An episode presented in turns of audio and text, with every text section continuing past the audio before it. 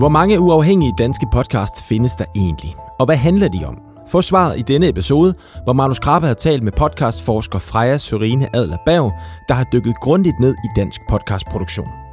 Men først er der selvfølgelig korte nyheder, denne gang seks af slagsen. Velkommen til podcastmagasinet fra uge 14 i 2021. Mit navn er Simon Brix, og nu går vi i gang. Loudcheferne har tilsyneladende valgt at slette mange af de særdeles rosende ord, de skrev om egne programmer i Apple Podcast. I hvert fald har vi her på redaktionen ikke kunne finde nogen anmeldelser fra anden Pan spand, bedre kendt som kanaldirektør på Loud, Anne Lykke Davidsen. Og Kemovax er også svær at søge frem i disse dage. Kemovax, hvis borgerlige navn er Kim Lykke Pil Vester, programchef på Loud, har valgt at ændre sit profilnavn til Kim Pil Vester. Så nu er det altså ikke længere Kemovax, der siger, at podcasten Seneløs er, citat, et vildt lydunivers og både galt og genialt. Jeg kan for egen regning sige, at jeg ellers er enig i, at Seneløs virkelig er værd at lytte til, men podcasten er efter loudchefernes fadase druknet i negative etstjernede anmeldelser. Det samme er podcasten Touché. Det lød i øvrigt sådan her for nogle uger siden, da Lauts digitale direktør Rasmus Mark Pedersen skulle stå på mål for sine kollegaer i podcasten Q&K vi, vi, bliver, vi bliver skudt i skoene, at det skulle være øh, øh, falske anmeldelser. Det er det jo ikke. Det er jo helt reelt øh, mennesker, som har lyttet til det, og som har, har anmeldt det. Og jo... Jamen, jeg vil da altså, gerne, nej, men, men, men, men, men, altså...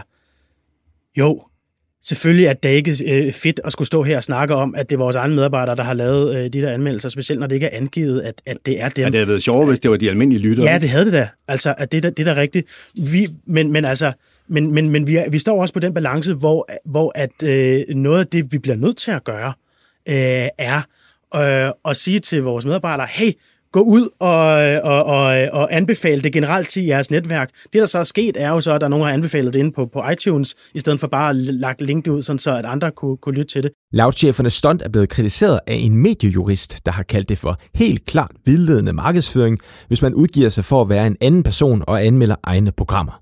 Det er skjult markedsføring og i strid med god erhvervsskik. Så lad være med det. Vi må se, hvad det ender. Det har indtil videre ikke kastet mange nye lytter af sig at genstarte råd på FM-båndet. Det siger programmets redaktionschef Claus Kansel til MediaWatch om den ellers så populære podcast, som nu sendes alle hverdage kl. 13.05 på P1.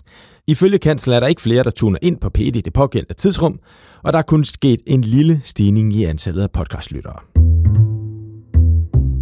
Podimo samarbejder nu også med Wondery, der er et amerikansk selskab med kæmpe stor succes. Podimo skal oversætte to true crime produktioner fra Wondery til spansk og dansk og udgive dem i deres app. Podcastgiganter opkøber fortsat mindre virksomheder, der kan fremme deres position i markedet. Således har iHeartMedia for eksempel købt et program til annoncering i podcast for 1,3 milliarder kroner. Er du ved at være rundforvirret over, hvem der ejer hvem i podcastens verden, så er der link til en oversigt i episodebeskrivelsen. Podnews har lavet en side, der viser, hvor mange der skifter host, og hvor de skifter fra og til. Ja, det er måske en lille bitte smule nørdet, men vi tager den alligevel. Den seneste uge er knap 1000 RSS-feed blevet flyttet, flest skifter fra SoundCloud og til verdens største podcast-host, Anchor, som jo også er gratis. Og vi bliver i den lidt nørdede podcast-host-verden. Gode gamle Libsyn trængte gevaldigt til at få moderniseret deres backend, så podcaster lettere kan udgive og få et overskueligt overblik over lytterstatistik. Og det er nu sket. Libsyn 5 er på gaden. Så hvis du hoster hos Libsyn, så kan du altså vælge at bruge Libsyn 5 i stedet for, og det bør du gøre, for det er meget pænere og meget nemmere at arbejde i. Den podcast landing page, man får med i et Libsyn abonnement, har også fået en nødvendig overhaling. Hvad er det egentlig danske uafhængige podcaster, de podcaster om? Syddansk Universitet har kortlagt det danske uafhængige podcastmarked, og podcastmagasinet Magnus Krabbe har taget en snak med forskeren bag. Hvad kendetegner det danske podcastmarked? I en ny undersøgelse har Syddansk Universitet identificeret og kortlagt 552 danske uafhængige podcast. Bag forskningen står Freja Sørine Adler Berg, der er Ph.D. ved Institut for Kulturvidenskaber ved Syddansk Universitet. Freja, velkommen til podcastmagasinet. Tak skal du have. Vil du ikke starte med at fortælle, øh, hvad er det helt præcist, du har forsket i? Jo, altså jeg, har, øh, jeg er i gang med at tale med en masse uafhængige podcaster i Danmark. Og så har jeg så øh, i øh, maj, juni måned sidste år lyttet til en hel masse uafhængige podcast. Øhm, og det er så blevet til 552, og der vil være endnu flere nu, er jeg sikker på. Men øh, der i maj-juni, det var altså det, jeg kunne finde på øh, Apple. Øhm, og så har jeg lyttet til tre afsnit af hver, og så har jeg lavet sådan en stor øh, kortlægning af dem.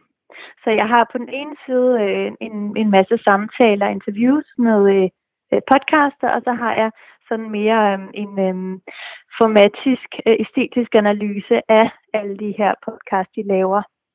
Så det er sådan, øh, det er sådan en vekselvirkning mellem noget kvalitativt og noget kvantitativt. Og så kigger jeg også på deres brug af øh, sociale medieplatforme. Så det er sådan, øh, det er sådan de tre øh, parametre, jeg arbejder med. Hvis du har lyttet til 552 danske podcast, tre afsnit af hver, så går jeg ud fra, at du har haft rigtig mange podcast i ørene her det seneste år tid. Ja, jeg hører ikke så meget musik, kan Nej. du nok forstå. Vil du fortælle lidt om, hvad baggrunden er for, at du har, du har valgt at gribe den her an, øh, opgave an på den her måde? Mm, altså man kan sige, der, der eksisterer ikke rigtig nogen systematisk analyse af alle uafhængige podcasts, hverken i Danmark eller i udlandet.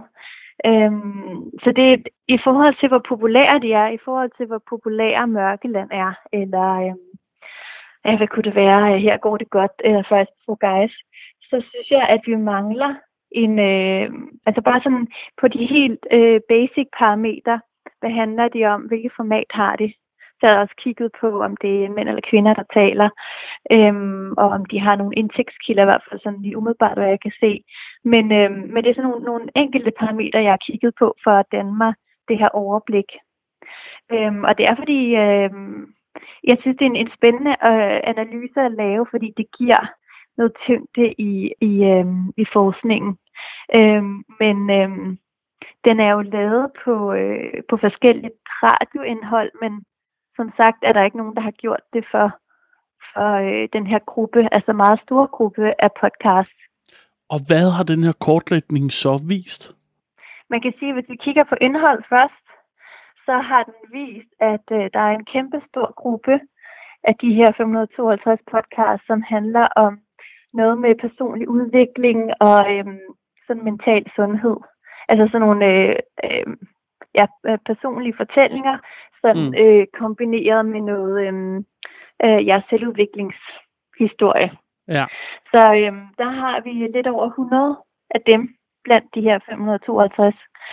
Og så har vi en stor gruppe, som vi sådan, hvis vi forestiller os en graf, det kan jeg selvfølgelig ikke vise nu her på podcasten, men øh, vi har et, et stort hoved på grafen, som består af de her personlige fortællinger, mm. og så har vi tre grupper på øh, lidt under 50 i hver, der handler om sport, rigtig meget fodbold, øh, der handler om øh, arbejdsliv og iværksætteri, og som til sidst handler om alle mulige former for streamingindhold, altså film og serier og Mm. ja.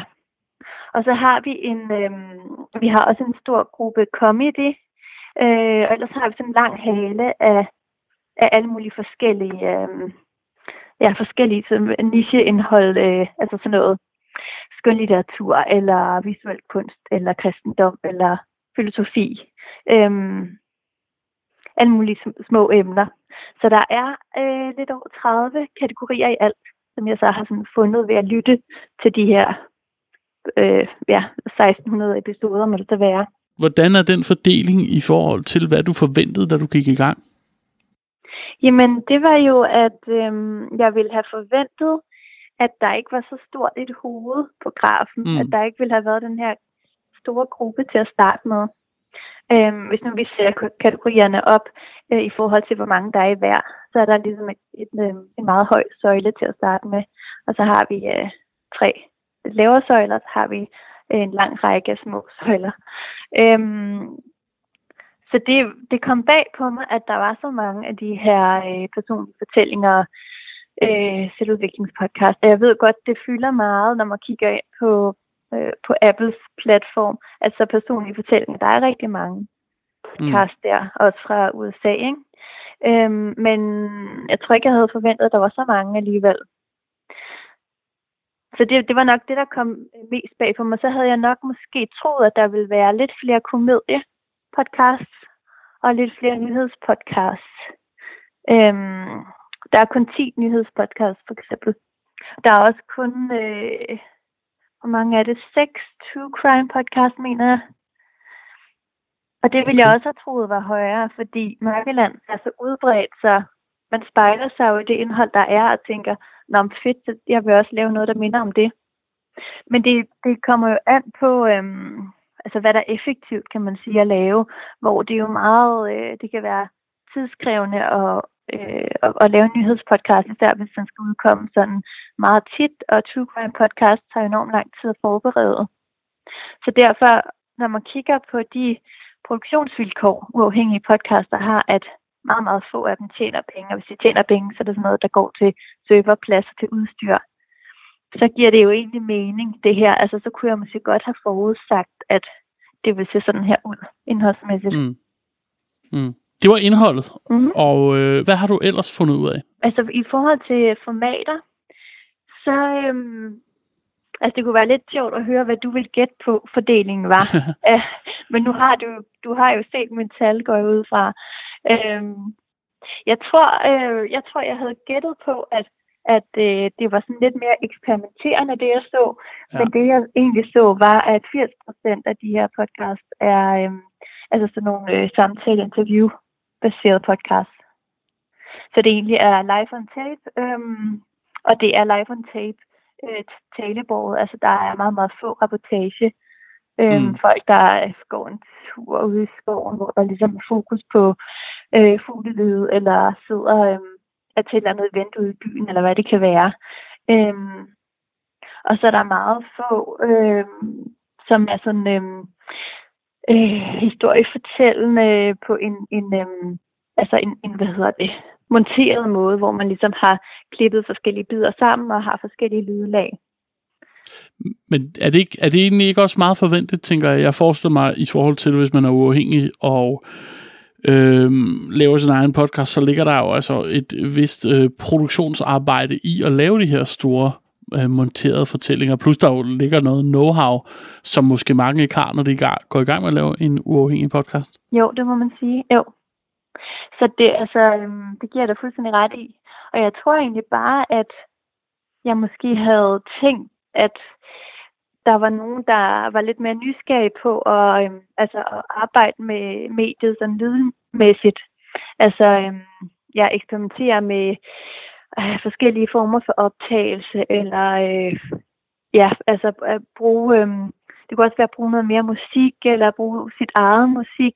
Man skal jo betale for, um, for copyrighted musik, så det havde jeg måske tænkt, at, at uh, det var der ikke så mange, der gjorde. Altså, det er dyrt, ikke? Uh, men at man kunne lave sit eget uh, lidt mere um, eksperimenterende udtryk. Men altså, det, det har du ret i, at, at produktionsmæssigt, så, så skal det jo være nogle billige formater. Um, mm. Og der er jo mange, der bare ligesom starter deres podcast uden at have nogen forudsætninger. Så. Mm-hmm. Ja, mhm. det kunne jeg egentlig godt tænke mig at spørge lidt ind til, det her med forudsætningerne. Øhm, når du nu har hørt de her ja, over 5, 5, 1500 episoder, ja. så tænker jeg, så har du også hørt lidt af... at jeg ja. har ikke lyttet til fulde episoder, jeg har lyttet til sådan en øh, 10 minutter hver. Øhm, men jeg har lyttet til tre episoder hver, ja, øh, for ligesom at danne mig et overblik, ikke? så har jeg ligesom sådan øh, kørt lidt rundt i episoderne, bare lige så så vi ikke overdriver, hvor lang tid jeg har brugt på det. Helt klart. Men dog trods alt også alligevel, øh, har du så hørt mm. en meget stor forskellighed i både indhold, format, men jo også i kvalitet. Hvad mm. er dit indtryk, sådan dit indtryk af den kvalitet, som, som de her uafhængige podcasts har? Mm, altså jeg synes, øhm, man, man, øh, man kan virkelig falde over nogle, nogle skægge podcasts derude, øhm, som er Altså, det kan også være podcast, der er lavet af, af nogle altså meget unge mennesker, nogen på 10, 11, 12 år, som bare, øhm, jeg ved ikke, så, altså, så optager de på deres iPhone, og så har de bare sådan sat den, lagt den midt på et bord, og så taler de om fodbold. Øhm, og så kan man godt høre, hvad de siger, men det, altså, det er, øhm, det kan ikke blive dårligere lydkvalitet. Nej. Nej. Øhm, og så er der jo noget, som er, er øh, altså, øh, hvis, vi, hvis vi kigger på Third Year som en, en uafhængig podcast, det kan man godt argumentere for, fordi det ligesom er deres egen biks. øhm, så er det jo noget helt andet. Så det er jo, det er jo et kæmpe spænd, men, men rigtig mange af dem her er, øh, er bare optagelser, der er lavet på, øhm, på en iPhone eller en mikrofon, der ikke er specielt god. Øhm, og det, altså, det ser vi jo bare i, hvordan formaterne udspiller sig. Altså, jeg har også taget et format, som jeg har kaldt magasinformatet, som, altså, det er jo det, som Easter laver på mm. kontekst og lyd, som jo også kræver ret meget, at, øhm, at finde ud af, hvilken rækkefølge skal det være, man skal lave et manuskript, et rundown, og man, øhm, ja, man skal lave nogle fede overgange, og det er der så 6% af i min undersøgelse. Så altså, øhm, det er jo bare, mediet egner sig jo til, til stemmen og til samtalen. Øhm, så det, det undrer mig ikke, men, men rigtig mange af, selvom en, en samtale, en interviewpodcast kan være enormt spændende og engagerende, så lyder det bare kvalitetsmæssigt øh, slet ikke lige så godt som på broadcast radio selvfølgelig. Nej, nej, nej, det er klart. Hvad har du ellers? Nu så har vi været omkring indholdet, vi er omkring de her forskellige formattyper. Er der andet, du, øh, du har lagt mærke til, eller du har faldet over din forskning? Altså, jeg kunne godt tænke mig lige at sige med, øh, med den her undersøgelse, at ja. det er jo rigtig spændende at tale om, om den der, øh, den største gruppe af indholds, øh, et indholdstema, altså med de personlige fortællinger. Øhm, og man kan sige, at mange af dem minder jo lidt om massermonopolet, eller øhm, Sara-monopolet, hvad det er. Øhm, eller sådan nogle øhm, programmer, hvor man giver nogle, øh, man har nogle problemer, og så svarer radioverden på dem. Øhm, og det har vi jo set i hele radioens historie, at det er ikke fordi, det, altså det ligger ligesom i radiomediet, at det fungerer godt til sådan noget advisory-agtigt, øhm, og hvor radioverdenen måske fortæller noget lidt personligt, og så øh, er der en lytter, der ringer ind, eller en gæst, der fortæller noget personligt. Altså det intimiteten fra radio mediet er ligesom båret videre og, og øhm, forstørret i podcastmediet. Øhm, og så synes jeg også, det er meget interessant øh, i forhold til den kultur, vi lever i lige nu, at vi er, vi vil gerne fortælle øh, en masse ting om os selv, og vi har sådan en bekendelseskultur også med de sociale medier, så sådan, man finder enormt meget øh, intimt indhold også på, i podcastmediet, og det kan man, altså, det kan man se afspejlet i min undersøgelse. Så jeg synes, det er interessant at diskutere, hvorfor vi har alle de her personlige fortællinger. Øhm, Virker det? Nu har du hørt rigtig mange af dem. Har de en, en sådan kvalitativ berettigelse? Altså, jeg, jeg, synes, um, jeg synes, nogle af dem har, og der er jo de her øh, fantastiske eksempler på podcast, der faktisk har ændret øh, noget kulturelt i samfundet. Eller, altså, vi tager sådan en som uh, Five Before Guys, som jo startede i, i 16, sådan lige da podcast var ved at slå igennem, og så så øhm, satte de nogle helt nye standarder for, hvad man egentlig kunne tale om. Og det var jo sådan en, mm. det var en meget personlig fortælling podcast. Mm. Øhm, og så blev de, øh, så blev de kæmpe store på det. Øhm, men det var jo ligesom også, det var nyt dengang, hvor nu når vi har så meget af det, fordi så mange måske har spejlet sig i Price Before Guys, eller i, i, øhm, i, ja, i mange af de her podcast, der er kommet frem, og vi ligesom har øh, podcast markedet skal finde ud af, hvor det nu skal gå hen, så har vi måske lidt for mange af de her podcasts, der minder om hinanden, og som ikke øh, har den standard, som First Before Guys havde dengang. Så det er jo noget med, at at vi har stadigvæk, vi har nogle, nogle øh, fantastiske podcasts, ja, men vi har også bare rigtig meget, som bare imiterer det indhold. Altså imiterer de gode podcasts. Hvad er sådan din samlede oplevelse? Hvad, hvad vil du mene, du samlet kan konkludere efter at have hørt alle de her podcasts? Mm, jeg synes, det er interessant at se det i forhold til den tid, vi er i lige nu, hvor, øhm, hvor podcast er blevet mainstream, og vi har 40 procent af danskerne, der lytter til det. Så sådan, det er enormt udbredt, og øhm, det er også rimelig udbredt at lave sin egen podcast. Øhm, og så er vi så nået til et punkt, hvor man begynder at tale rigtig meget om, man kan tjene penge på det. Og det er der ikke rigtig nogen, der kender svaret på endnu. Men vi har ligesom sådan en, en bevægelse, der hedder, at noget bliver mainstream, og så forsøger man at, at, at tjene penge på det. Øhm, og så, så alle dem, der sådan er undergrunden, altså de, de tænker vel også, hvad, hvad har vi af muligheder for her? Altså vi, vi vil gerne nå ud til en bred lytterskare, Øhm, så man begynder at tænke lidt mere i lyttertal, frem for at, øhm, ja, som jeg har sagt før, øhm, at lave noget, man, man selv, øhm, eller noget, lave noget, der er nyt. Altså det er vel også noget, man, man selv godt kan lide at lave, ellers vil man ikke lave det i sin fritid. Men, men man har måske en lidt mere tendens til at, at tænke, hvad kan nå bredt ud? Øhm, mm. Så det, jeg vil tro, at det er et af svarene på det. Øhm, og det, det, øh, det er jo sådan en, øhm, en diskussion, kan man sige. Øhm, men, men altså, det er jo helt sikkert, at, at de her resultater, de spejler sig i, øh, i de produktionsvilkår, som uafhængige podcaster har. Har du noget bud på, hvor mange der rent faktisk kan, kan ikke måske leve af det, men i hvert fald kunne tjene penge på det? Jeg har, øh, altså jeg fandt 72, som havde en eller anden form for, for indtægtskilde, Øhm, men, men øh, halvdelen af dem var så også nogen, som var på 10.dk. Det var ligesom den øhm, lytterdonationsplatform, jeg har sådan tænkt på de forskellige muligheder for øhm, finansieringsmodeller, og så har jeg sådan gået igennem dem en efter en, ikke, og set om de har en sponsor, eller om de har en, øhm, en fond, der støtter dem, eller en samarbejdspartner, eller øhm, ja, hvad det kunne være. Øhm, og så kiggede jeg så også på tier.dk, fordi det er den mest brugte platform herhjemme. Og der var der rigtig mange, hvor der bare stod 0 donorer, eller mm. øh, 30 donorer. Så det, selvom at, øh, at det var sådan en, en sjettedel, syvende del, der på en eller anden måde havde en indtægtskilde, så er det jo stadigvæk, vi ved ikke, hvor stor den er. Altså det skal der ligesom, det skal der findes ud af, tænker jeg. Men øh, jeg vil gætte på, at det er under 10 procent, der har øh, øh, der, der på en eller anden måde kan betale sig fra at arbejde med det her en halv dag om ugen. Hvordan tror du, øh, fremtiden ser ud for det uafhængige podcastmarked i Danmark?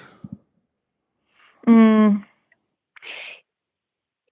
Jeg, jeg, jeg ved det ikke rigtigt, fordi jeg ved ikke, om, om vi skal, øh, om podcast skal blive endnu større, end det er, eller om det er moden til, at vi prøver at, at forlange betaling for lytterne. Så der skal, der skal laves nogle, nogle findes ud af, om, om lytterne er villige til at betale for det. Jeg synes, med Podimo har vi fundet ud af, at det, øh, det ikke er lige så mange, som vi måske havde forventet, og at, at øh, podcasterne synes, de får for lidt ud af det. At øh, når, når det kommer til payday, så er det en, en meget lille del i forhold til, hvad de måske havde stillede sig selv i udsigt, da de, øh, da de kom på betalingsplatform og tog deres, deres podcast bag en betalingsmur. Øhm, så jeg, jeg tror, der kommer nye initiativer, som ligesom får kombineret nogle, nogle forretningsmodeller og øh, måske altså en, ikke, ikke Podimo, men noget, som, som tager deres idéer, som er rigtig gode, at vi skal have ændret økosystemet, men, men det bliver en lidt anden variant, som, som måske giver et større udbytte til podcasterne. Øhm, jeg tror også, vi kommer til at opleve, at der kommer til at være en større vekselvirkning mellem sponsorer eller annoncører og podcaster, fordi vi begynder, vi skal begynde at forstå, hvad en podcast er værd, hvor lige nu der ved virksomheder ikke rigtig, hvad en, en podcast er værd, altså hvis de skulle øh, sponsere den. Så, så der kommer også til at være nogle udviklinger der. Men på den anden side kan man vel sige, at det har aldrig været nemmere at tjene penge på podcast, end det er i dag. Altså, nu har du selv nævnt øh, platform som Tier, hvor man kan få sin lytter til at donere. Øh, der er flere og flere virksomheder, der begynder at købe sig ind i, i sponsorater. Der er fonde, man kan søge. Der er platform som Podimo. Og der er også flere og flere medier, der begynder at sætte penge på podcast, som man vil eventuelt kunne, kunne afsætte sin podcast til. Så mm. det er vel meget nemmere i dag, end det var for bare et år siden eller to år siden? Ja, det er det da, ja. Men det bliver jo sikkert også nemmere om, om, øh, om fem år. Så altså, øh, jeg tror da, at det, øh, det kommer til at, at udvikle sig i en god retning, men det kommer ikke til at være, øh, øh, være nemt. Altså, vi har jo også set det for, øh, for digital musik, at det kan være svært at tjene penge på det. Eller, altså alle digitale medier, tænker jeg, har sine udfordringer. Øh, så på den måde skal vi skal podcastmediet vel også igennem nogle, nogle ture, øh, nogle op- og nedture, øh, for at vi finder ud af, hvad vi egentlig skal stille op med det. Og det er jo også klart, det er heller ikke alle, der, der kan tjene penge på det. Altså, det kommer ligesom an på, hvor meget tid man bruger på det.